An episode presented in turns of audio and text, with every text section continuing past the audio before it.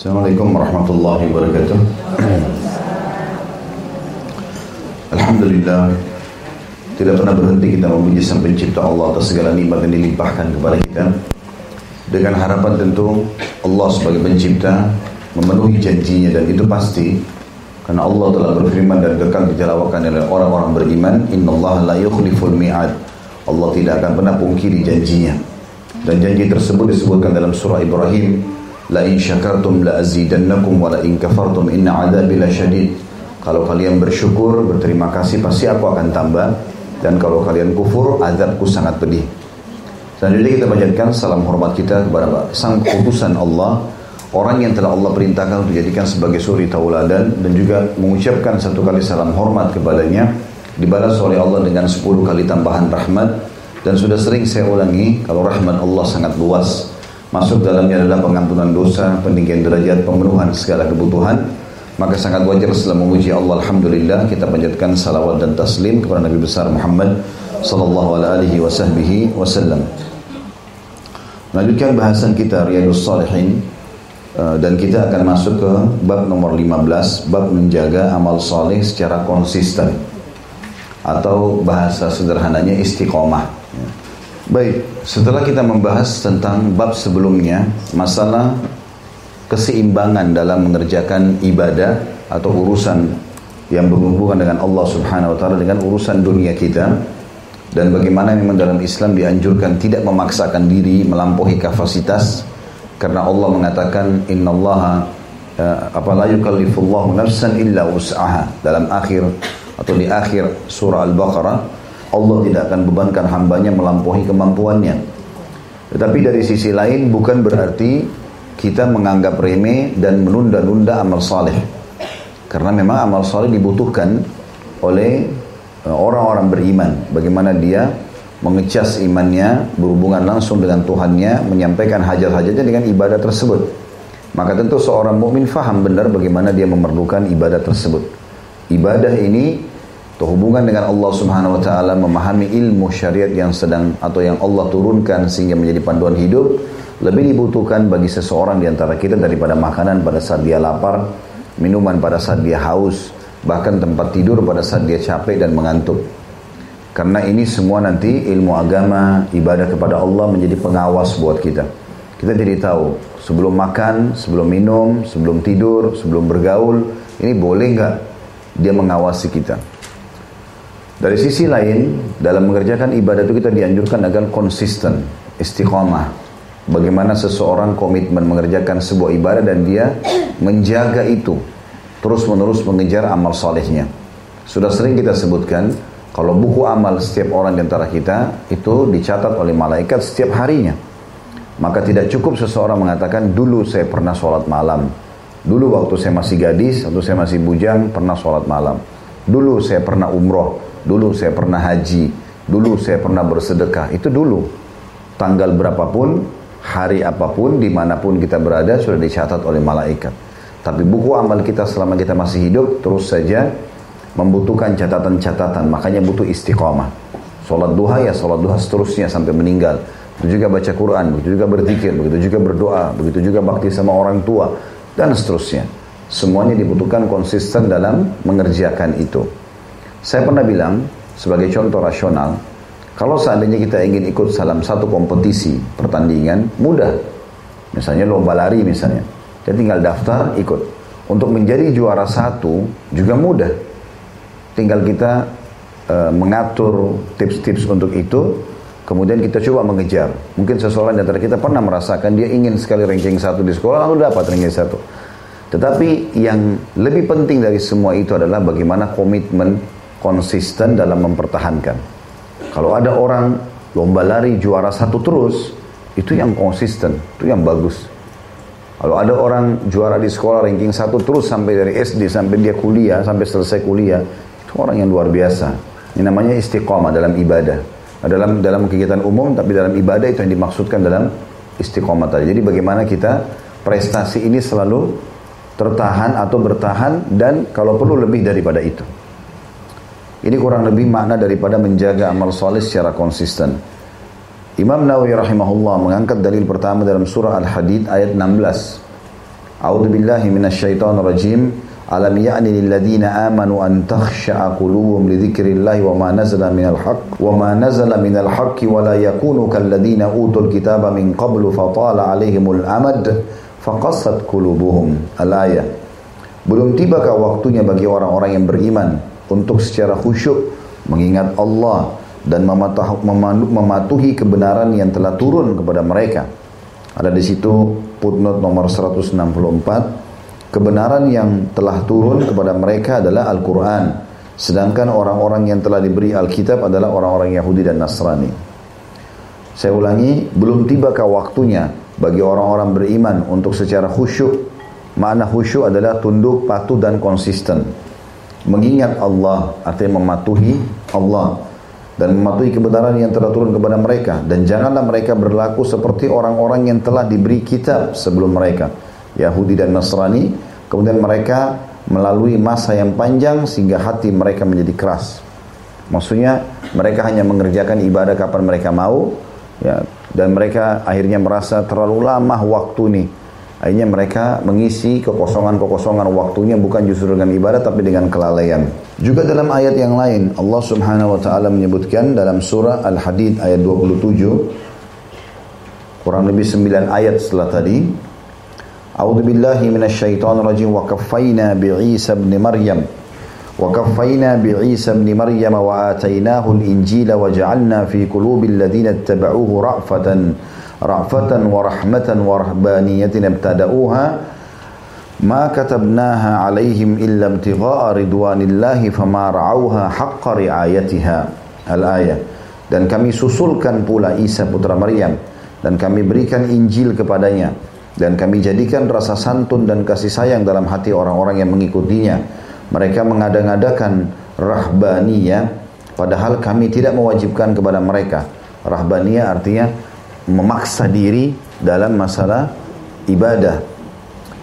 Yang kami wajibkan hanyalah mencari keridhaan Allah, tetapi tidak mereka pelihara dengan semestinya. Artinya ayat ini menjelaskan ada juga orang yang mau istiqomah tapi dia berlebihan sehingga dia menerapkan peraturan-peraturan untuk dirinya yang memberatkan. Ya, ini sudah kita sebutkan sebenarnya di bab sebelumnya ya kasus Abdullah bin Amr bin As yang tidak mau nikahi wanita atau dia nikahi wanita tapi tidak disentuh nggak mau istirahat malam mau puasa terus akhirnya diingatkan oleh Nabi alaihi salatu wassalam. Juga dalam surah An-Nahl ayat 92 Allah berfirman A'udzu billahi minasyaitonir rajim. Wa la takunu kallati naqadat gazlaha min ba'di quwwatin ankatha. Dan janganlah kalian seperti seorang perempuan yang menguraikan benangnya yang sudah dipintal dengan kuat menjadi cerai berai kembali. Ya. Jadi maksudnya adalah jangan sampai ibadah yang sudah kalian kerjakan lalu kalian tinggalkan begitu saja. Dengan anggap remeh mengatakan kan sholat malam saya sudah tahu keutamaannya. Saya sudah pernah kerjakan. Ya sudahlah. Ya, kesannya begitu. Allah mengatakan jangan seperti itu. Kalau kalian sudah buat benang dililit satu sama yang lain jangan dicerai beraikan lagi. Ya. Juga Allah mengingatkan di dalam surah Al-Hijr ayat 99. A'udzu billahi minasyaitonir rajim. Wa'bud rabbaka hatta ya'tiyakal yaqin. Dan sembahlah Tuhanmu sampai yakin atau ajal datang kepadamu. Dan ini tentu ayat yang paling kuat berhubungan dengan bab kita. Ya. Bagaimana kita disuruh komitmen untuk mempertahankan ibadah-ibadah kita sampai mati. Jadi kalau ada bisikan di benak Bapak Ibu sekalian, saya setelah mengerjakan ibadah sekarang sudah mulai faham apa yang harus saya lakukan, maka jawabannya sederhana, istiqomah. Bagaimana mempertahankan itu?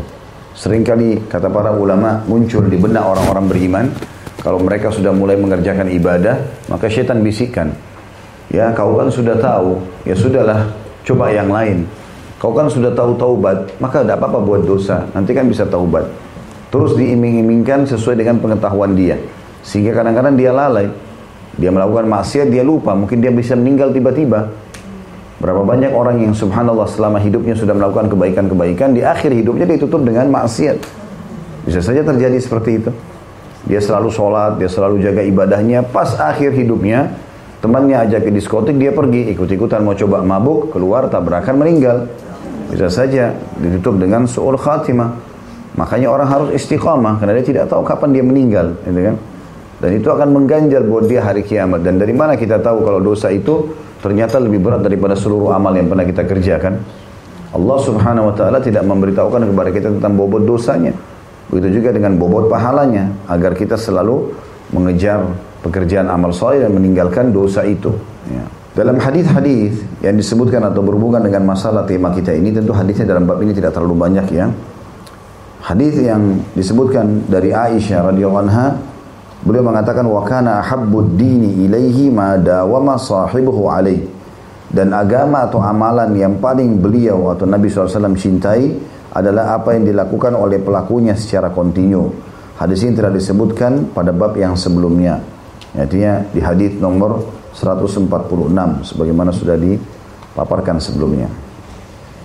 Baik dalam bab kita ini hadis pertama adalah hadis nomor 157 dari Umar bin Khattab radhiyallahu anhu. Beliau berkata Rasulullah SAW bersabda man nama an hisbihi min al-laili aw an shay'in minhu faqara'ahu ma baina salatil fajri wa salatil dhuhr kutiba lahu ka'annama qara'ahu min al-lail hadis riwayat Imam Muslim.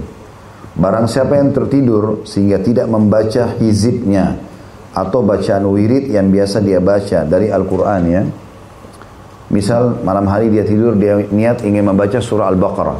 Ternyata dia tidak sempat tertidur. Atau dia pada saat bangun sholat tidak sempat menyelesaikannya.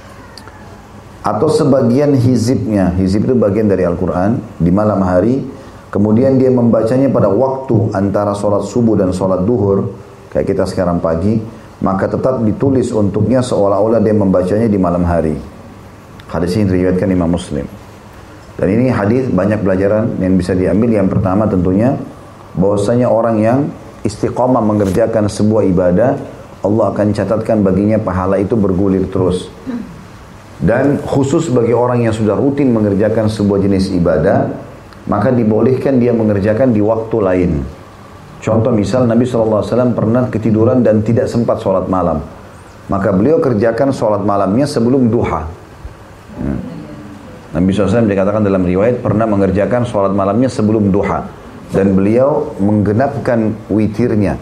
Jadi tadinya cuma 11 rakaat, Nabi SAW kerjakan 12 rakaat. Karena ini bagi orang yang sudah terbiasa melakukan. ya Sama orang terbiasa melakukan sholat duha misalnya.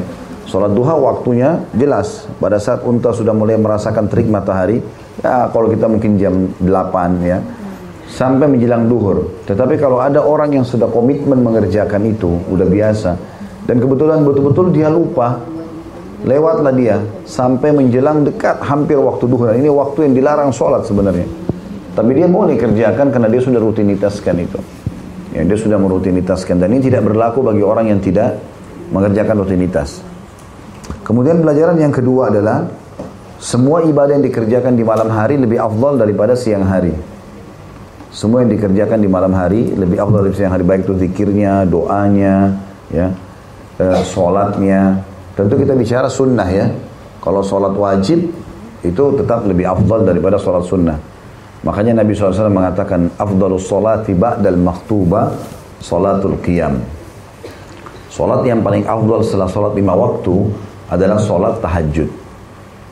Artinya duha, sholat taubat, sholat apalah tahiyat masjid, semua ini terkalahkan pahalanya dengan sholat tahajud. Karena dikerjakan di malam hari. Ya. Karena pada saat itu memang ujiannya berat. Orang lagi pada tidur ya. Kemudian kita bangun. Sampai kata Nabi SAW, Abshus salam, sebarkanlah salam di antara kalian. Wa ati'imut ta'am, dan berikanlah makan kepada orang-orang. Wasilul arham, lanjutkanlah hubungan silaturahim.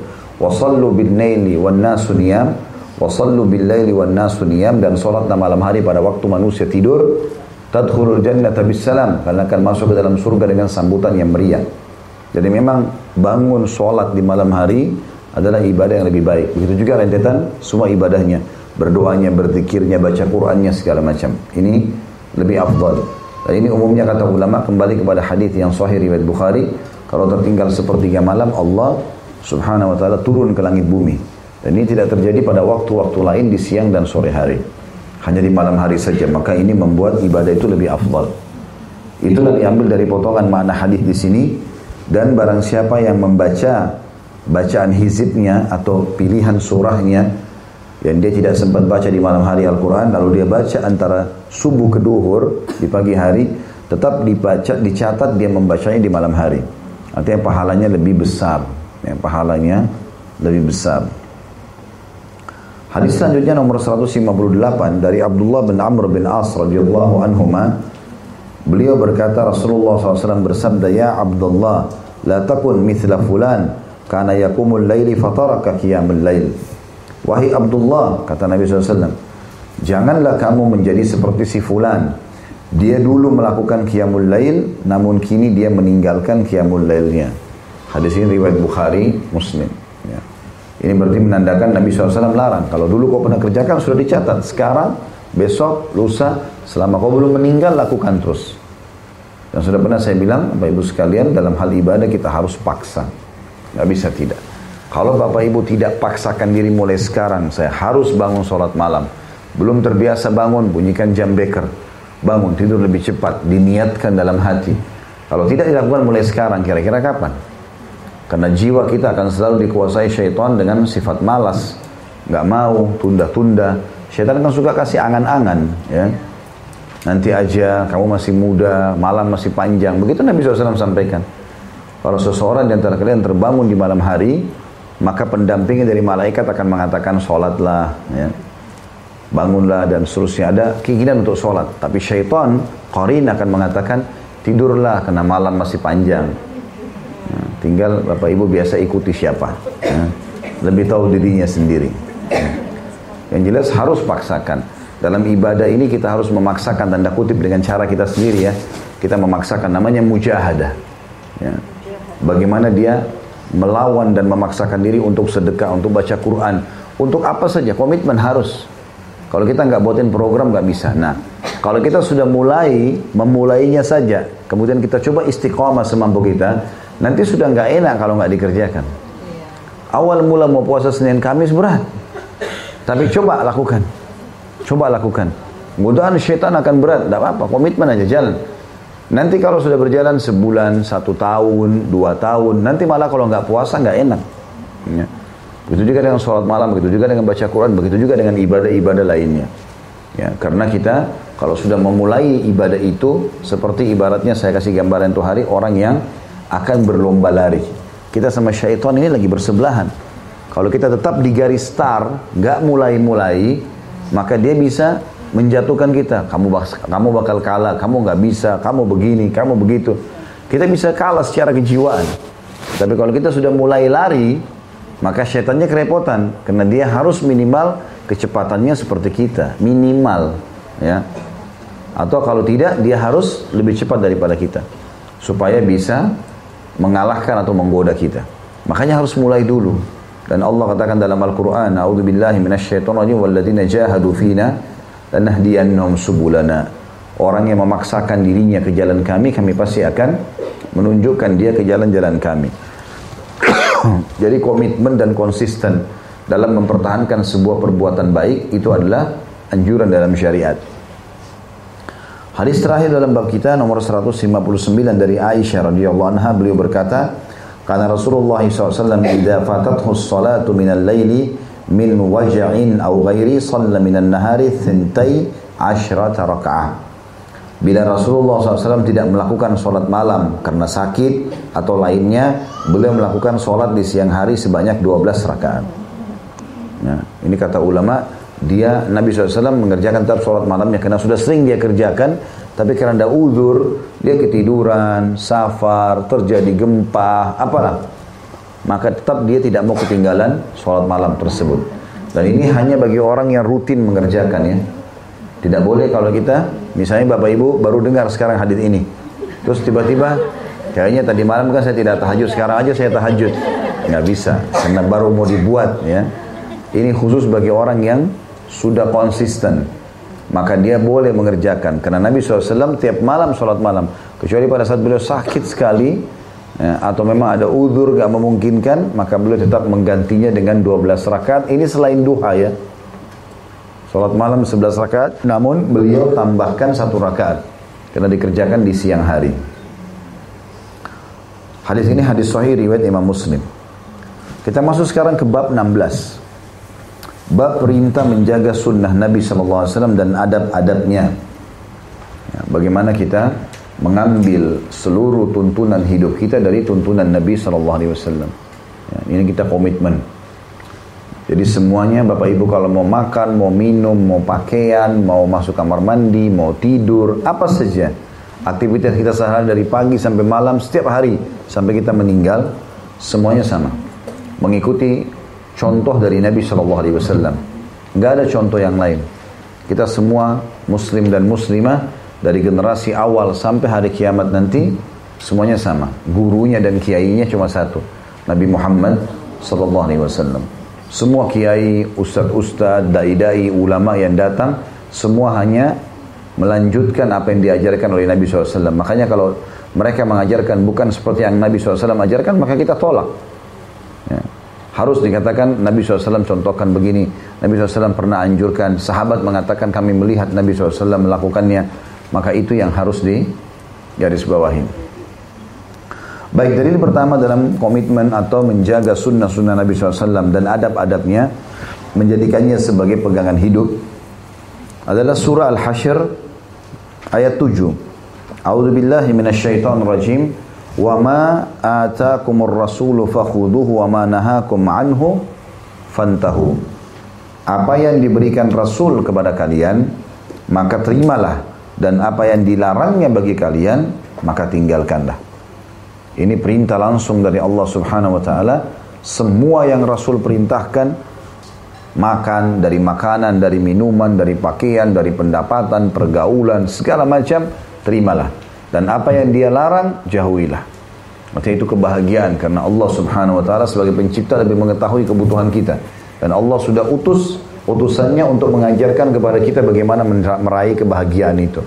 Tidak ada cara lain. Caranya hanya mengikuti baginda Nabi alaihissalatu wassalam. Beliau lah idola kita semuanya, beliau lah panutan kita, apa pun yang dikerjakan dicontohi. Selain daripada Nabi SAW bukan panutan kita. Maka orang-orang yang menjadikan Nabi SAW sebagai panutan layak untuk jadi panutan juga. Karena pasti dia akan mencontohi guru terbesar umat manusia yaitu Nabi Muhammad SAW. Juga dalam surah An-Najm ayat 3 sampai ayat 4 salah satu alasan kenapa Allah menyuruh kita untuk mengikuti Nabi alaihi wassalam karena Nabi SAW ya mengambil wahyu bukan dikarang-karang dari sisi beliau. A'udzubillahi minasyaitonirrajim wa ma yantiqu 'anil hawa in huwa illa wahyun yuha.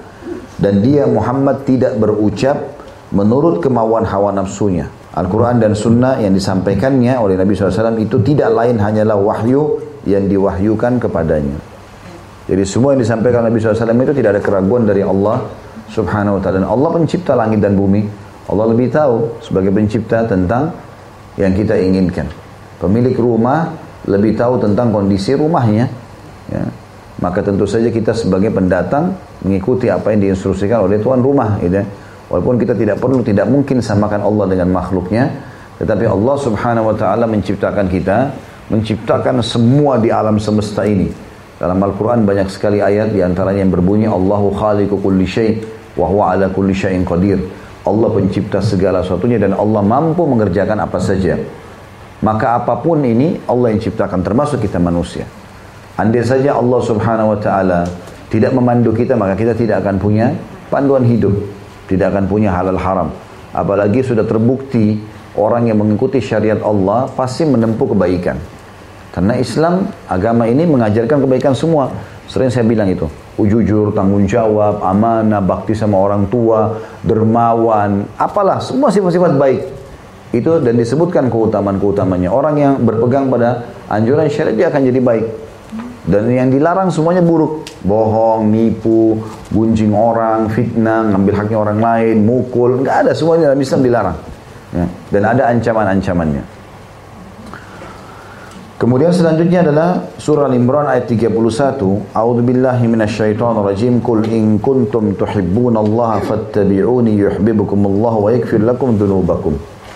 Ayat ini memastikan kalau kita mengikuti Rasulullah SAW kita akan mendapatkan cintanya Allah sebagai sang pencipta dan Allah kalau sudah mencintai hambanya Sebagaimana kita tahu kalau seseorang mencintai orang lain maka dia akan memberikan apa pun kepada orang yang dicintainya. Maka kalau kita sudah bisa meraih cintanya Allah SWT apa saja yang kita minta Allah akan kasih ya.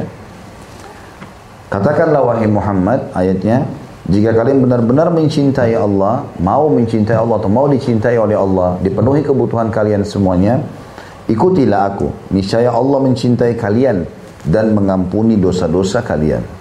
Dan di sini artinya akan mendapatkan cinta Allah Subhanahu wa taala dengan mengikuti baginda Nabi alaihi salatu wassalam. Juga dalam surah Al-Ahzab ayat 21 Allah berfirman, "A'udzu billahi minasyaitonir rajim. Laqad kana lakum fi Rasulillahi uswatun hasanatun liman kana yarjullaha wal yawmal akhir." Sungguh telah ada pada diri Rasulullah SAW suri tauladan yang baik bagi kalian, yaitu bagi orang yang mengharap rahmat Allah dan kedatangan hari kiamat.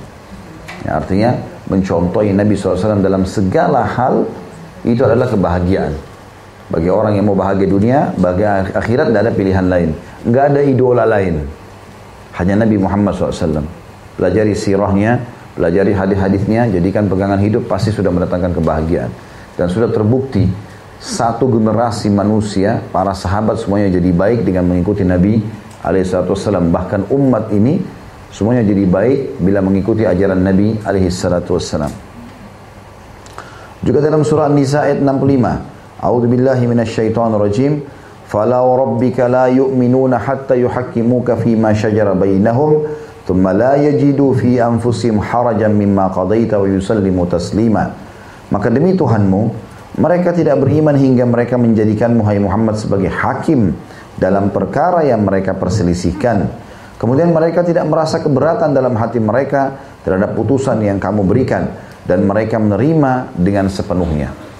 Mau dianggap imannya sempurna, jadikan Nabi SAW sebagai hakim kita. Ya, terjadi ribut suami istri, jadi percecokan antara sahabat sama sahabatnya. Apa saja yang sedang terjadi, maka jadikan Nabi SAW sebagai penengah.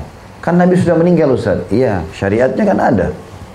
Dipakai syariat Nabi SAW sebagai peraturan-peraturan pemerintahan, peraturan peradilan, ya peraturan rumah tangga semuanya begitu komitmen ya rumah tangga bicara suami istri di tengah-tengah kita hukum Allah ya. kita berjalan sekarang Allah dan Rasul yang mengadili kita. Ada sesuatu kita kembalikan ke siapa yang salah ya dia harus kembali ke jalan Allah. Siapa yang benar ya didukung gitu. Itu juga dalam seluruh lini kehidupan kita.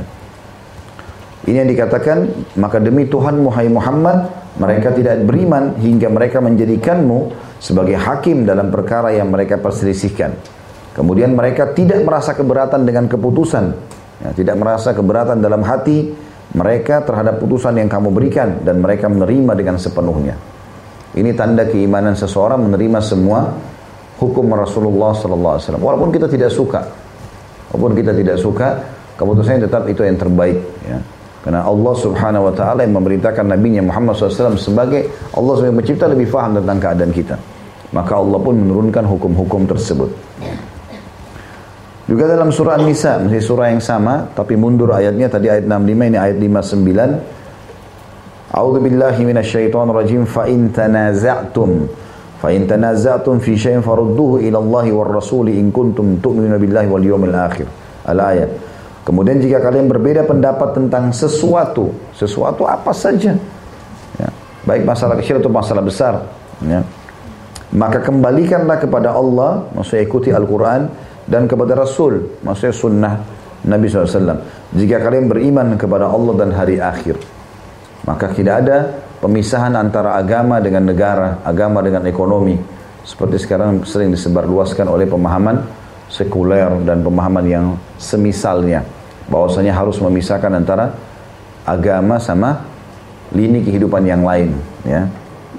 Pada saat Katolik berkomitmen untuk menerapkan agama Kristen dalam kehidupan mereka, keluarlah orang-orang yang memprotes. Akhirnya muncul pemahaman Protestan dan mereka ya, memisahkan antara agama dengan lini kehidupan mereka sehingga dalam agama Kristen tidak harus seorang ekonom atau politikus faham agamanya. Dan kita sayangkan sekarang itu masuk dalam kehidupan umat Islam. Padahal kita nggak bisa seperti itu.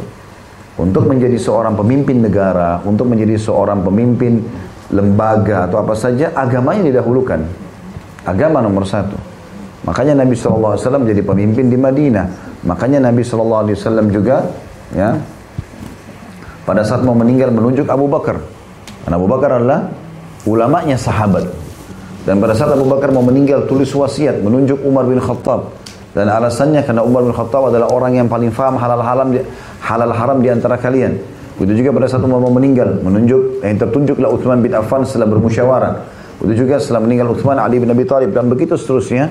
Harusnya komitmennya pada agama. Karena dengan fahamnya agama seorang pemimpin, maka tentu dia akan menerapkan hukum Allah Subhanahu wa taala. Dan masalah-masalah ini, masalah riba, masalah segala macam ini akan hilang dengan sendirinya karena dia faham itu nggak boleh dan diubahlah kepada sistem Islam. Ya. Kalau kita tidak punya sistem yang benar teman-teman sekalian, tidak mungkin Islam berjaya sampai kurang lebih 1300 tahun. Ya. Kita baru sekitar 100 tahun saja tidak menguasai dunia. Sebelumnya, bacalah sejarah-sejarah tentang masalah Bagaimana Nabi SAW mendirikan negara Islam 10 tahun pertama di Madinah.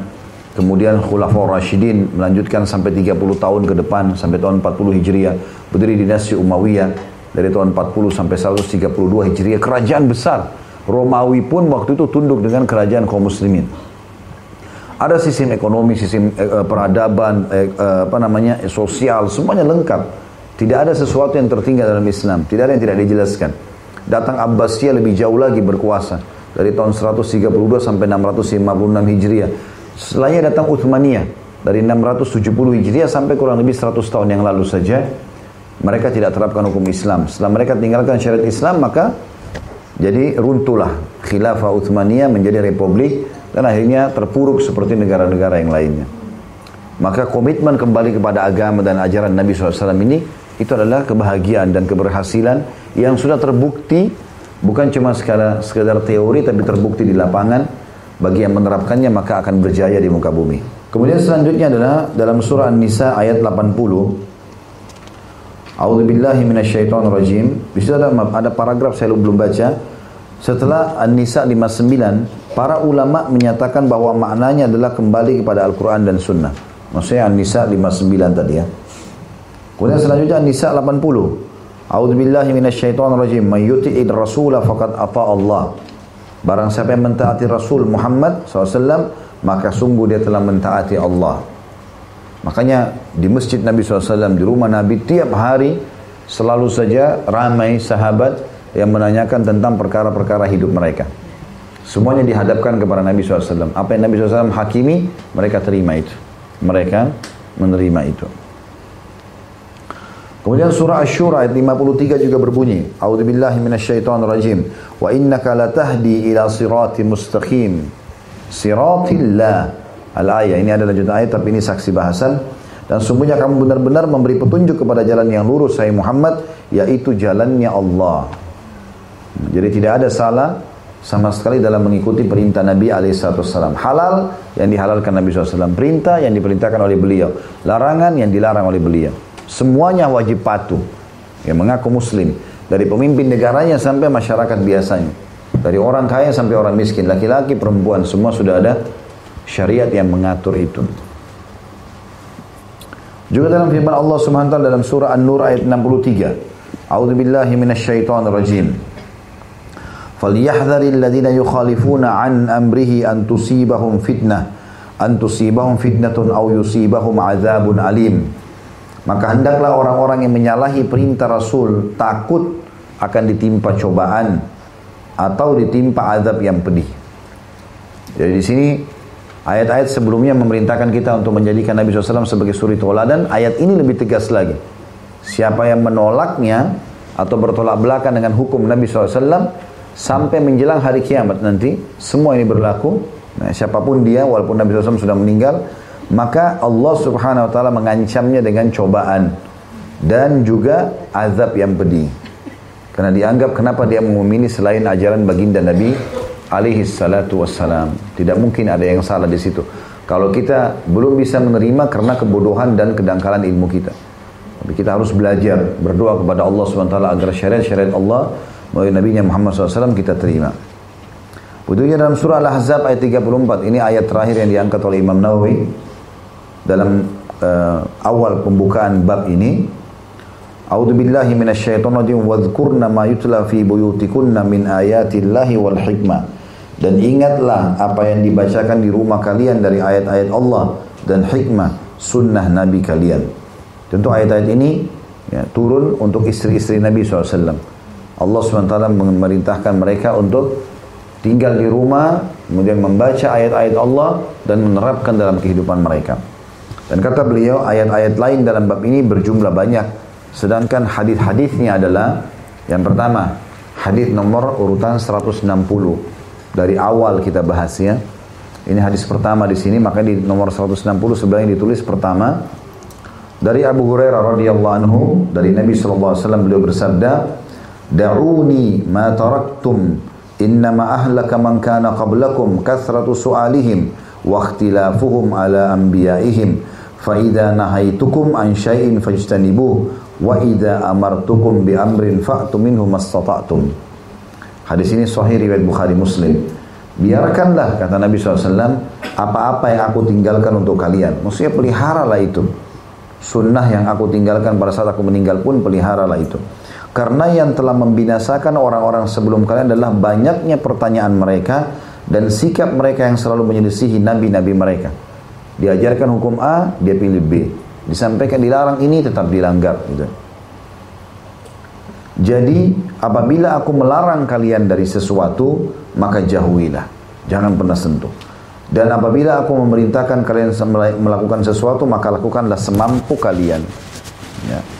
Hadis ini memberikan pelajaran yang cukup banyak. Di antaranya adalah yang pertama, sabda Nabi SAW, Da'uni ma taraktukum. Ya, peliharalah apa yang aku tinggalkan untuk kalian. Maksudnya jadikan sebagai pegangan hidup. Ajarkan turun-temurun masalah halal, masalah haram, semua yang berhubungan dengan ini kehidupan baik ekonomi, sosial, politik, ikutin semuanya. Pelajaran yang lain, Nabi SAW ingatkan, Innama ahlaka man kana qablakum kathratu su'alihim wa ikhtilafuhum ala anbiya'ihim. Karena ketahuilah kata Nabi SAW, mayoritas umat sebelum kalian binasa justru terlalu banyak pertanyaannya ya, dan juga berselisih tentang pendapat nabi-nabi mereka. Ya. Jadi ini tidak dibenarkan dalam syariat Islam. Pernah ada sahabat sering bertanya sesuatu yang unik-unik ya, kadang-kadang mungkin tidak perlu gitu. Maka Nabi SAW ingatkan itu, jangan banyak bertanya. Kalau sudah disampaikan sholat lima waktu, subuh dua rakaat, duhur empat, asar empat, maghrib tiga, isya empat, caranya seperti ini. Ini rukun-rukunnya, ini kewajibannya, ini sunnahnya, ini yang membatalkan. Udah pelajari, terapkan. Itulah. Tidak usah tanya, kenapa Allah buat duhur empat rakaat? Kenapa enggak dua rakaat saja sama dengan subuh? Kenapa duhur sama asar dua-duanya berdekatan, dua-duanya empat rakaat? Kenapa Allah nggak kasih jam dua siang aja sekali kita sholat? Ya itu maunya Allah. Allah mau kita kerjakan begitu, gitu kan? Kita kalau kerja di perusahaan nggak mungkin kita protes pemimpin perusahaan, pemiliknya. Sekarang kita kerja di satu perusahaan, dia udah ditaruh alamatnya misalnya di jalan ini, ukuran tanahnya sebesar itu, warna cat bangunannya begitu, peraturan kantornya juga ada, jam kerja dan segala macam penentuan gaji. Lalu orang datang diubah sama dia, diubah catnya, ya sebagai pegawai protes kenapa ini harus pakai kipas, kenapa pakai AC merek ini, ya dikeluarin lah. Ini mau kerja atau mau protes gitu ya? Ya kita lahir di muka bumi semua sudah ada belum? Sudah ada. Kan kita buka mata Pak waktu bayi, mulai kita faham pohon sudah ada, udara sudah ada, air sudah ada, tiba-tiba sudah ada orang tua kita. Kita lahir seperti kita pendatang, udah ada semuanya. Ikutin apa yang ada, jangan melanggar fitrah itu. Gitu. Allah Subhanahu wa taala sudah tentukan hukum untuk kita. Ya. Maka pernah Nabi SAW naik di atas mimbar, kemudian beliau sambil berkata kepada para sahabat, jangan banyak bertanya kepadaku, karena mayoritas orang ya binasa sebelum kalian justru karena banyak pertanyaan mereka. Ingat saya ceritakan dulu kisah Bani Israel ya, uh, yang waktu surah Al-Baqarah.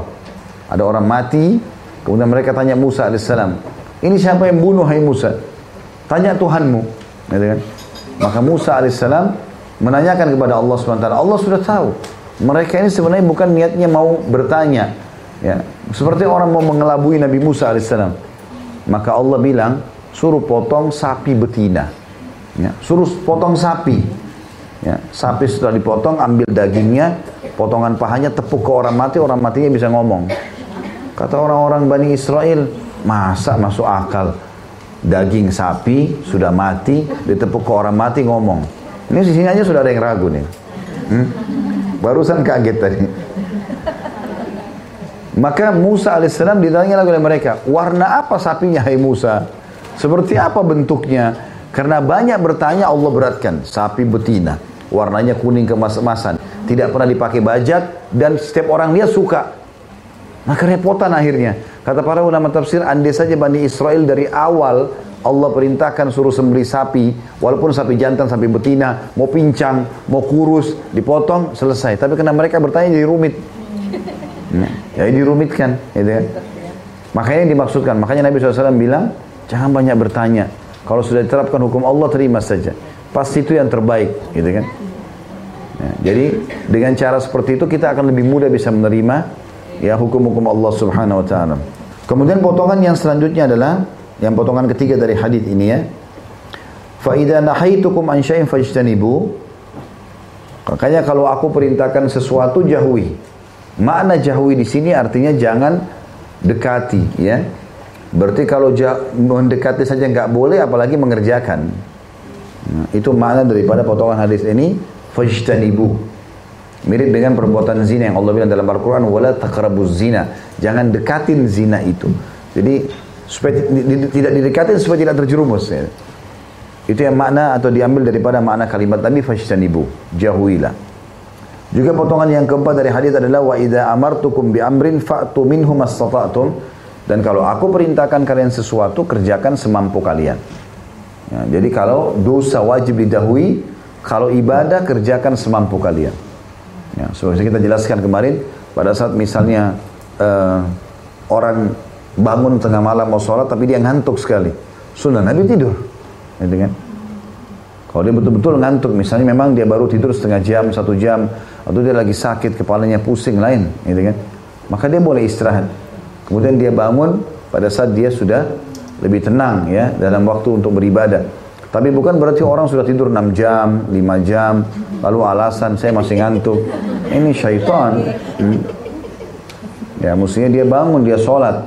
Dan kata Nabi SAW, kalau sholat antara kalian bangun malam hari, maka hendaklah dia beristinsyak. Istinsyak itu mengambil air, dihirup di hidung karena syaitan bertengkar di hidungnya. Jadi kalau Bapak Ibu mau lihat ini ngantuk saya dari syaitan atau memang ngantuk capek, coba kalau bangun malam masuk kamar mandi, basuh dulu tangannya tiga kali, kemudian ambil air masukkan di hidung saja dengan tangan kanan terus keluarkan dengan tangan kiri. Kalau ngantuknya tiba-tiba hilang berarti syaitan udah.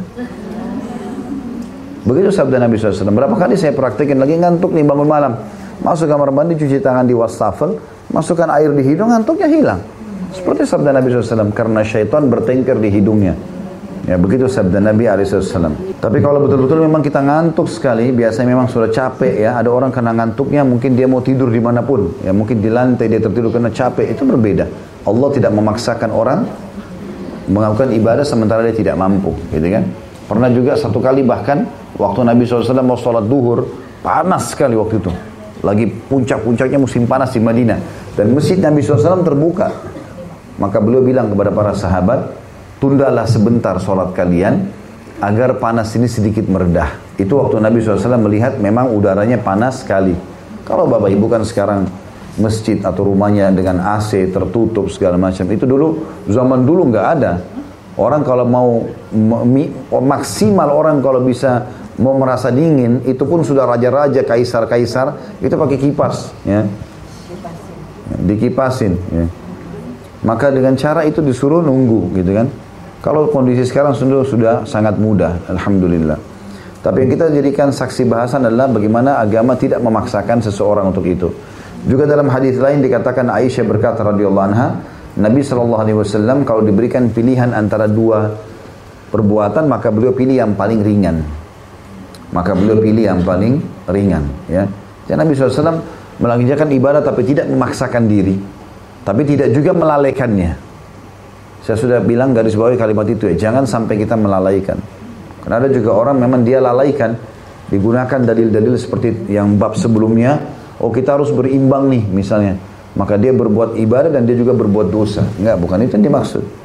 Tapi dia imbangi antara istirahat dia, waktu makan dia, dengan sholat dia, dengan puasa dia gitu kan. Memang dianjurkan sahur supaya kuat untuk puasa. Buka puasa juga segera supaya langsung segera menghilangkan lapar dan haus. Karena batas waktunya sudah cukup. Maka Islam datang mengatur semua itu dengan rapi. Baik hadis selanjutnya nomor 161 atau hadis kedua dalam bab kita ini dari Abu Najih Al-Irbat bin Sariyah radhiyallahu anhu beliau berkata wa'adana Rasulullah sallallahu alaihi wasallam mau'idatan balighatan wajilat minha al-qulubu wa zarafat minha al-uyun faqulna ya Rasulullah ka'annaha mau'idatu muwadda mau'idatu muwadda'in fa'awsina قال أوصيكم بتقوى الله والسمع والطاعة وإن تأمر عليكم عبد حبشي وإنه من يعش منكم فسيرى اختلافا كثيرا فعليكم بسنتي وسنة الخلفاء الراشدين المهديين عضوا عليها بالنواجذ wa iyyakum wa muhdatsatil umur fa inna kulla bid'atin dhalalah. Rasulullah SAW pernah menasehati kami, kata sahabat ini ya, namanya Irbat, dikenal dengan hadis Irbat ini. Rasulullah SAW pernah menasehati kami dengan suatu nasihat yang sangat menyentuh, di mana hati menjadi gemetar dan mata meneteskan air mata karenanya. Maka kami berkata, wahai Rasulullah, sepertinya nasihat ini adalah nasihat perpisahan. Memang Nabi SAW itu sampaikan di akhir hidup beliau. Ya. Maka berwasiatlah kepada kami. Maksudnya tambahkan kami informasi penting yang harus kami jaga kalaupun sampai anda meninggal. Maka kata Nabi SAW, aku berwasiat kepada kalian agar bertakwa kepada Allah, mendengar dan mentaati sekalipun yang memerintah kalian adalah seorang budak berkulit hitam dari Habasya. Habasya artinya Ethiopia ya. Dan bahwa bahwasanya barang siapa yang hidup dari kalian, ya maksudnya hidup setelah aku meninggal nanti termasuk kita di sini masuk dalamnya siapa barang siapa di antara kalian hai umat Islam hidup dari kalian akan melihat banyak perselisihan. Pendapat ini pendapat itu. Maka syaratnya agar kalian selamat berpeganglah kalian kepada sunnahku dan sunnah khulafaur rasyidin yang diberi petunjuk khulafaur rasyidin Abu Bakar Umar Uthman dan Ali radhiyallahu anhum Gigitlah erat-erat dengan gigi geraham dan waspadahilah setiap hal-hal yang diada-adakan karena setiap bid'ah adalah sesat. Hadis ini diriwayatkan Abu Daud dan Tirmidzi dan beliau berkata, hadis ini hasan sahih. Baik hadis ini kita bedah, Bapak Ibu sekalian seperti biasa. Potongan pertama adalah diambil dari perkataan Irbat radhiyallahu anhu, wa'adana Rasulullah SAW mau'idatan balighatan wajilat minhal kulubu wa zarafat minhal uyun. Satu hari pada Nabi SAW menasehati kami dengan nasihat yang sangat menyentuh. Yang akhirnya membuat hati kami bergetar dan mata kami menangis. Dan ulama mengatakan ini adalah nasihat yang paling baik.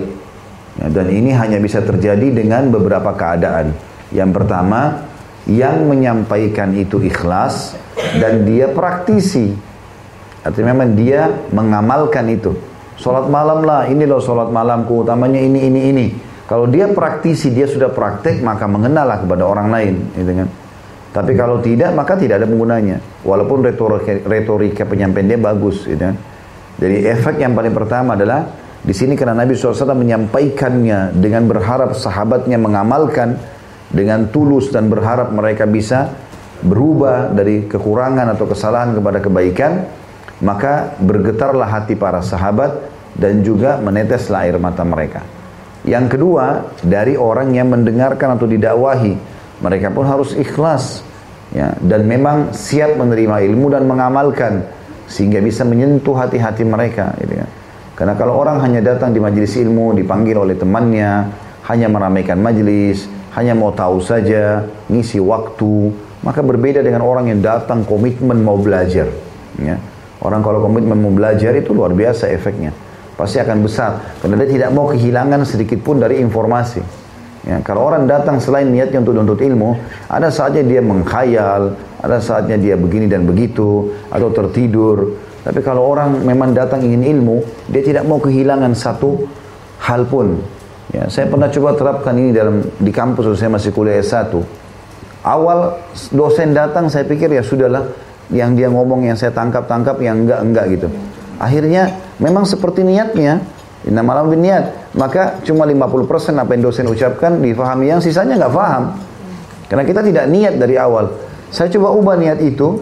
Saya dari dari kursi belakang kelas, saya ke depan. Saya lihat di depan ini ternyata orang-orang yang duduk sibuk dengan nulis apa yang dosen bilang. Di belakang ini tidur ya. Ini di kelas saya dulu bukan di sini ya. Gitu, saya dulu di belakang di sebelah saya ada orang-orang dari Afrika di meja pada tidur, orang Saudi ada tidur. Mereka nggak dengar apa yang dosen bilang. Dosen masuk assalamualaikum keluar assalamualaikum dia nggak ngerti apa-apa. Maka akhirnya saya duduk di depan, saya coba lihat, saya coba tangkap ini dosen sampaikan apa sih? Dan saya harus tahu ilmu yang dia sampaikan. Gak mungkin dia dibayar oleh pemerintah Saudi. Datang ngajar 50 menit, satu jam. Lalu dia tidak sampaikan sesuatu yang bermanfaat. Ada buku rujukannya. Saya duduk, saya coba buat nilai yang paling baik nih. Gimana caranya mengejar semua perkataan dia saya tulis. Hanya manfaatnya besar. Ya, paling tidak itu 90% kita udah bisa tangkap kalau tidak sampai 100% yang kita fahami. Dan ini teman-teman sekalian manfaatnya besar sekali ya. Makanya peringatan akan menyentuh kalau dari dua sisi. Kita yang menyampaikan dan kita juga atau orang-orang yang mendengarkan dua-dua sisinya Kedua sisi ini semuanya ikhlas karena Allah SWT dan ingin mengamalkan itu. Ya. Maksud dalam masalah ini adalah lingkungan dan situasi juga kondisi. Ya. Ini akan sangat mendukung agar penyampaian ceramah atau agama itu berpengaruh.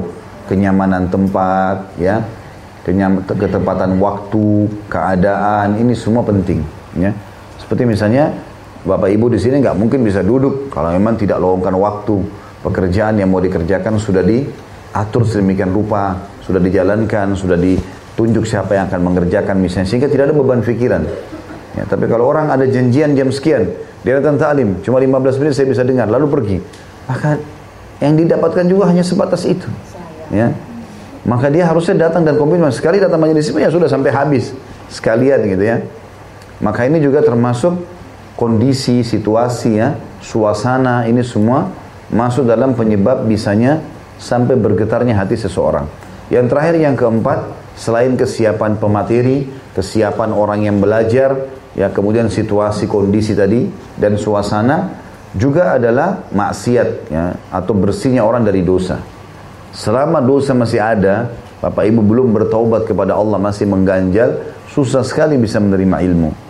Ilmu itu hanya akan diberikan kepada orang yang bersih hatinya Allah akan buat hatinya bergetar. Itulah perkataan Imam Syafi'i rahimahullah dalam pepatah yang masyhur.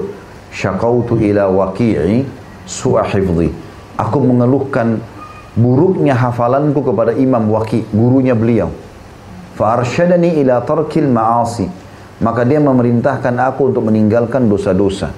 Wa akhbarani bi anna ilma nurun dan dia memberitahukan kepadaku bahwasanya ilmu itu adalah cahaya wa nurullahi la yu'ta li asi dan cahaya Allah tidak akan dikasih kepada pelaku maksiat. Jadi ini bentrok seperti minyak sama air. Kapan masih membuka pintu-pintu dosa, maka ilmunya tidak maksimal dia terima. Itu yang kita ambil pelajaran pertama dari hadis ini. Makanya para sahabat mengatakan atau Irbat mengatakan Nabi SAW pernah menasihati kami sampai-sampai akhirnya menggetarkan hati kami dan membuat mata kami meneteskan air mata. Ya. Tentu di sini teman-teman kalau sampai tidak meneteskan air mata antara kita sama Allah SWT. Tiba-tiba kita dengar hadis tentang neraka kah, atau kisah tentang orang soleh lalu kita menangis itu tanda keimanan dan kebaikan. Bukan ria masalah itu. Kecuali ada orang dasarnya niatnya ria. Sengaja taruh balsam di dekat matanya supaya bisa nangis terus dan dipuji orang ya. Allahu alam ini ya. Jadi itu memang beda. Tapi kalau orang tersentuh tiba-tiba maka itu berarti tanda-tanda keimanan. Potongan yang kedua adalah perkataan Irbad dan para sahabat. Fakulna ya Rasulullah ka'annaha mau'idatu muwadda'in atau muwaddi'in. Fa'ausina. Wahai Rasulullah, ini seakan-akan nasihat terakhir nih. Sepertinya perpisahan. Kok Nabi semangat benar nyampein gitu loh. Seakan-akan Nabi ini sudah akan meninggal dunia. Maka wasiatkan kepada kami. Pelajaran di sini adalah bagaimana jelinya sahabat menangkap keadaan Nabi Shallallahu Alaihi Wasallam. Jadi kita bisa melihat ya orang ini sakit atau tidak ya. Kita bisa tahu keadaannya kan. Atau penyampaian itu disampaikan kenapa. Mungkin memang betul-betul ada sesuatu yang sangat besar yang ingin disampaikan. Maka sahabat jeli menangkap itu. Ya. Seringnya atau pekahnya seseorang itu muncul justru karena seringnya berinteraksi. Ya, Khadijah radhiyallahu mengetahui kebutuhan Nabi SAW karena seringnya interaksi. Maka Nabi SAW eh, melalui Jibril SAW menjamin surga bagi Khadijah karena kena pekaan itu. Pernah saya ceritain kisah itu ya. Seperti itulah kurang lebih gambarannya. Makanya kita boleh di sini meminta untuk diberikan wasiat. Wasiat artinya nasihat yang sangat penting, ringkas dan padat.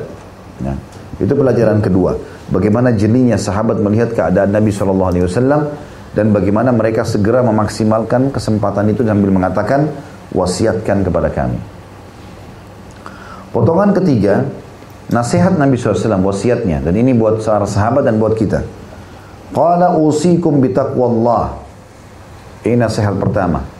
Aku mewasiatkan kepada kalian agar bertakwa kepada Allah. Makna bertakwa, tunduk dan patuh.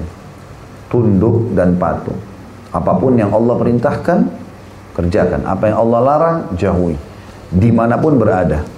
Mirip dengan wasiat Nabi SAW kepada Abdullah bin Abbas radhiyallahu ittaqillah haitsuma kunt. Ya, bertakwalah kepada Allah di mana pun kau berada karena perintah jilbab yang bapak yang ibu-ibu lakukan ini berlaku di Indonesia, berlaku juga di Amerika, berlaku di Cina, berlaku di mana-mana. Salat lima waktu yang kita kerjakan berlaku di sini, berlaku di Amerika, berlaku di mana-mana. Haramnya babi di sini dan khamr haram juga di mana-mana. Jadi bukan berarti di Indonesia kita komitmen lalu kita pergi ke Amerika mabuk misalnya. Ya. Atau pergi ke mana terus kita tidak sholat. Enggak. Karena hukum Allah berlaku di setiap tempat. Bertakwa kepada Allah, ini wasiat Nabi SAW yang pertama. Dan kita sudah tahu pernah ada ceramah saya di YouTube judulnya Bekal Dunia Akhirat. Kurang lebih waktu itu saya coba cari di Mu'jam Al-Fadl Quran. Saya temukan tidak kurang dari 228 ayat tentang takwa. Banyak sekali. Dan keutamanya terlalu banyak kalau mau disebutkan. Tapi Allah berikan jalan keluar dari permasalahannya, Allah berikan rezeki, Allah ampuni dosa-dosanya. Banyak sekali manfaat ketakwaan kepada Allah SWT. Saya saya sarankan Bapak Ibu kembali ke ceramah itu judulnya bekal dunia akhirat ya. Kemudian wasiat yang kedua dari Nabi SAW adalah wasam'i wa ta'ah wa in ta'ammara alaikum abdun habashi. Patulah dan taatlah walaupun yang memimpin kalian seorang budak dari Ethiopia. Ya kebetulan di zaman Nabi SAW umumnya budak-budak itu berkulit hitam dan mereka berasal dari Ethiopia nah kalau budak zaman dulu tuh bisa diperjualbelikan ya dan mereka dianggap seperti level nomor dua di kalangan manusia. Itu berlaku sampai masih terjadinya perang dunia dulu ya. Itu dihapus hanya disepakati ya secara internasional nggak boleh lagi ada perbudakan. Lalu sebelumnya ada perbudakan. Dan budak-budak ini dulu mayoritasnya dari Ethiopia. Mereka berkulit hitam, ya, kemudian mereka diperjualbelikan di pasar dan dipekerjakan. Maka Nabi SAW mengingatkan tentang pentingnya patuh pada pemerintah setempat selama bukan maksiat kepada Allah. Ya, seperti lampu-lampu lalu lintas, KTP, SIM, apalah ya. Peraturan pemerintah ikuti selama bukan maksiat kepada Allah. Nabi SAW mengatakan patulah dan taatlah. Walaupun yang mimpin kalian secara fisik kalian tidak suka. Berkulit hitam, budak lagi. Dalam hadis lain kata Nabi SAW, patuhilah pemimpin kalian walaupun yang memimpin kalian budak dari Ethiopia rambutnya seperti kismis. Ya artinya keribo kecil-kecil ya. Ya itu sampai artinya zaman dulu orang anggap itu kayak kekurangan tapi ternyata Nabi bilang tetap harus patuh ya. Tetap harus patuh karena efek mudarat daripada ketidakpatuhan pada pemerintah setempat ini lebih besar daripada kebaikannya selama itu bukan maksiat kepada Allah SWT dan kita dilarang untuk menghina-hina pemimpin atau pemerintahan. Jangan lagi dihubungkan dengan Pilpres 2019 ini. Saya ingatkan dari sekarang, saya bicara hukum agama terus sampai kapan pun kita butuh ini. Karena mulai saya lihat di YouTube itu mulai lagi, ya, ditulis lagi Pilpres 2019, nggak ada hubungannya ini, ya. Kita bicara hukum agama kapan pun, walaupun ini sudah terjadi pemilihan presiden nanti, tetap aja saya bicara sama, gitu kan. Hukum Allah tidak akan berubah ini. Jadi jangan dipotong-potong hanya untuk masalah tertentu. Kata Nabi SAW, Man ahana amira wa Allah. Siapa yang menghina pemimpinnya, maka Allah menghinanya. Ya. Kita lakukan berdoakan orang kebaikan, ya kita doakan kebaikan ataupun kita e, memberikan nasihat ya sesuatu yang positif ya bukan malah keburukan-keburukan karena belum tentu juga kalau kita yang memimpin lalu kemudian sama ini wasiat yang kedua dari Nabi alaihi salatu wassalam kemudian yang ketiga Nabi SAW pastikan kalimat penting di sini ya ini wasiat yang ketiga wa innahu ya'ish minkum fasayara ikhtilafan katsira Ketahuilah siapa pun yang terkadang yang hidup nanti sepeninggalku. Makna hadis ini adalah Nabi bilang yang hidup sepeninggalku. Maka dia akan lihat banyak perselisihan. Makna perselisihan adalah di kalangan umat Islam sendiri. Pendapat ini, pendapat itu, banyak pendapat. Saling membenarkan satu eh, pendapatnya masing-masing, saling menyerang, gitu kan. Ini banyak. Lalu Nabi SAW ingatkan supaya tidak masuk dalam perselisihan itu fa'alaikum bisunnati berpegang pada sunnahku kembali kepada komitmen ada enggak perkataan qala Rasulullah wasallam nabi yang mengucapkan gitu kan? Kalau enggak ada jangan. Wa sunnatil khulafa'ir rasyidin al mahdiyin dan juga sunnah atau contoh-contoh dari para khulafa rasyidin Abu Bakar, Umar, Uthman, Ali. Radhiyallahu anhu dan ulama membagi empat masa kejayaan raja Islam ini sahabat-sahabat yang mulia ada dua fase kejayaan ada dua fase fitnah ya fase kejayaan adalah fase Abu Bakar sama Umar ini adalah fase kejayaan bagaimana umat Islam berjaya dan mulai membesar dan membanyak pengikutnya dan juga meluas wilayahnya yang sampai pernah saya jelaskan di tahun 15 Umar bin Khattab berkuasa tahun 13 Hijriah. Tahun 15 Hijriah itu pasukan Islam dikirim menuju ke negeri Syam, utara Jazirah Arab, Palestina, Jordania, Lebanon dan Syria juga bagian Asianya Turki. Ya. Itu dikuasai di perang Yarmuk. Setelah perang Yarmuk di Jordan. Ya. Jadi kalau ada teman-teman yang umroh plus Aqsa biasanya di Jordan mampir ke Yarmuk ya Nah ke Yarmuk itu di salah satu lokasi peperangan cukup jauh sih ya. Tapi mampir ke sana biasanya orang mampir ada kuburan tiga orang sahabat yang mulia ya, dan beberapa sahabat Nabi yang lain tapi tiga orang yang pemimpinnya uh, Zaid bin Haritha, Ja'far bin Abi Thalib, Ja'far bin Abi Thalib dan juga Abdullah bin Rawaha radhiyallahu anhu Nah ini ada di sana. Yang jelas terjadi pada satu perang dan menang kaum muslimin. 3000 orang merawan kurang lebih 200 atau 250 ribu pasukan Romawi. Ya. 200 ribu tepatnya, 100 ribu dari pasukan Romawi, 100 ribu dari suku Arab yang uh, belum masuk Islam. Kemudian di tahun 16 Hijriah Umar bin Khattab mengirim lagi Sa'ad bin Abi Waqqas radhiyallahu anhu.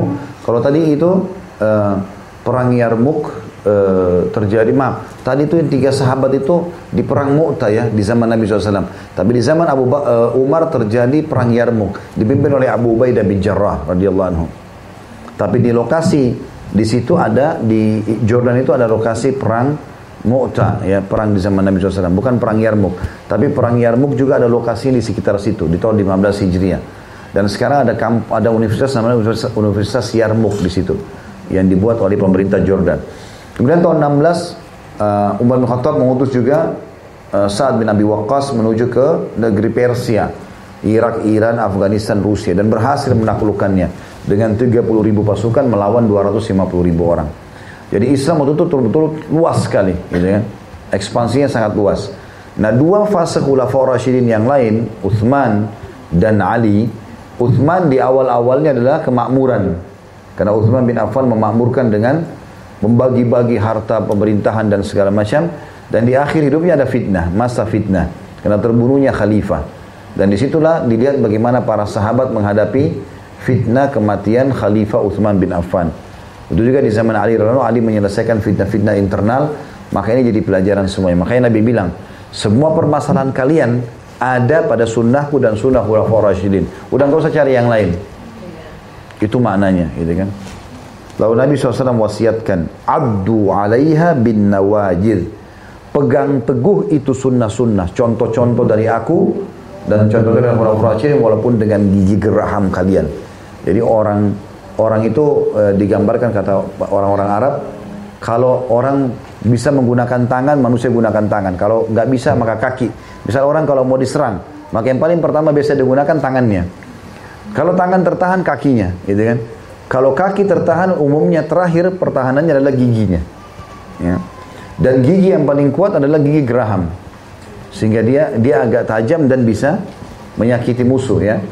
Maka Nabi SAW memberikan gambaran itu. Sambil mengatakan pegang teguh sunnah itu. Walaupun dengan gigi geraham kalian. Maksudnya apa? Biar cobaannya berat, biar godaannya besar, jangan terpengaruh.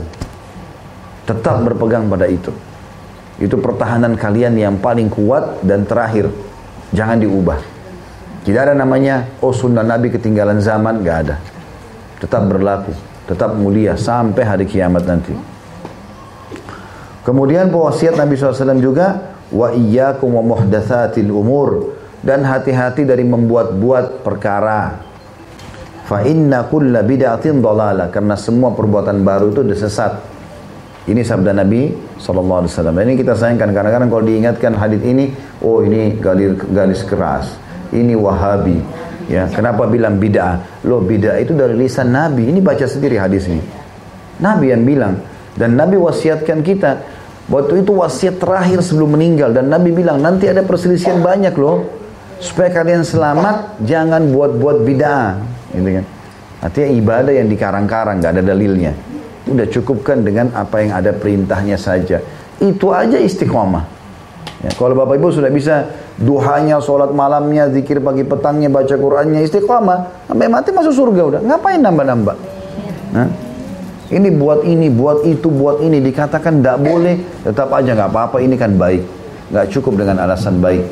Harus yang baik di mata seorang muslim dan mukmin adalah yang baik di mata Allah dan Rasulnya. Tidak boleh yang lain. Ya. Nah, ini wasiat yang luar biasa dari Nabi Alaihissalam bagi orang yang mau bahagia, ya bagi orang yang mau bahagia. Baik kita akan ambil uh, ya dua buah hadis lagi ya, baru kita buka insya Allah uh, apa namanya pertanyaan. Hadis 162, yang ini hadis ketiga dari Abu Hurairah radhiyallahu anhu bahwasanya Rasulullah SAW bersabda, "Kullu ummati yadkhuluna al-jannata illa man aba." Qila wa may ya'ba ya Rasulullah? Qala man ata'ani dakhala jannah wa man asani faqad aba. Semua umatku akan masuk surga kecuali yang enggan, tidak mau. Dikatakan oleh para sahabat siapa yang enggan wahai Rasulullah? Beliau bersabda, barang siapa yang taat kepadaku dia pasti masuk surga dan barang siapa yang mendurhakaiku maka ia enggan. Hadis ini diriwayatkan Imam Bukhari. Hadis ini sama dengan hadis sebelumnya, tapi ini lebih ringkas saja. Kalau Nabi SAW menyuruh kita untuk mengikuti ajaran beliau alaihissalam. Taati semuanya. Aku perintahkan, lakukan. Aku larang, tinggalkan. Baik itu yang diperintahkan wajib atau sunnah, kerjakan semua. Karena hukum-hukum sunnah pun tetap dianjurkan untuk dikerjakan. Jangan ibu dan bapak sekalian terpengaruh dengan syaitan mengatakan, kan tahajud cuma sholat sunnah.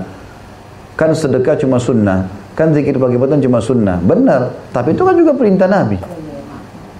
Masa kalau e, diperintahkan hanya sekitar untuk jadi kenangan? Enggak, untuk dikerjakan. Kan itu. Lah ya. Makanya Nabi SAW mengatakan dalam sebuah hadis Bukhari yang lain, Allah berfirman, gitu kan? E, tidak ada amal kata Allah SWT yang paling aku cintai dari hambaku melebihi apa yang aku wajibkan terhadap mereka.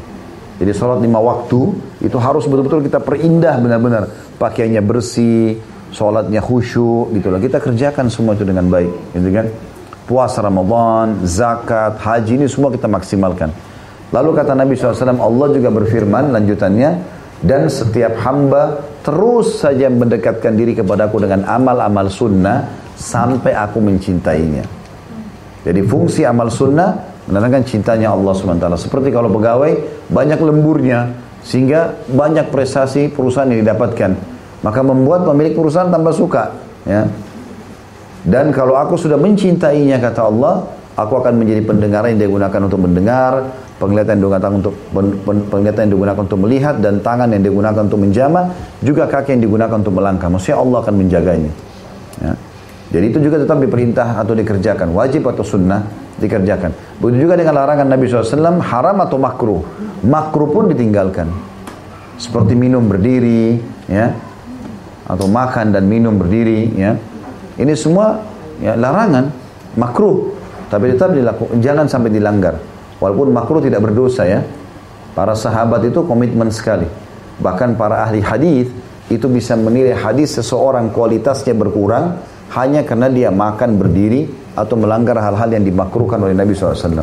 Dianggap walaupun makruh karena pintu haram adalah makruh. Ya. Maka kalau orang biasa mengerjakan yang makruh, yang haram jadi biasa nanti. Tapi kalau dia tinggalkan yang makruh, yang haram lebih dijauhi. Mirip dengan sunnah-sunnah. Kalau bapak ibu biasa kerjakan yang sunnah, puasa Senin Kamis, sholat sunnah, maka sholat wajibnya jadi lebih lebih lebih terjaga otomatis, gitu kan? Maka ini dimaksud dengan komitmen tadi. Nah, siapa yang mentaatiku pasti masuk surga kata Nabi SAW dan siapa yang mendurhakaiku tidak mau atau menganggap ini sunnah Nabi SAW maka dia menolak untuk masuk ke dalam surga. Ya. Allahu alam. Baik sampai sini saja bahasannya. Semoga bermanfaat. Subhanakallahumma bihamdika. Asyhadu an la ilaha illa anta astaghfiruka wa atubu. Assalamualaikum warahmatullahi wabarakatuh.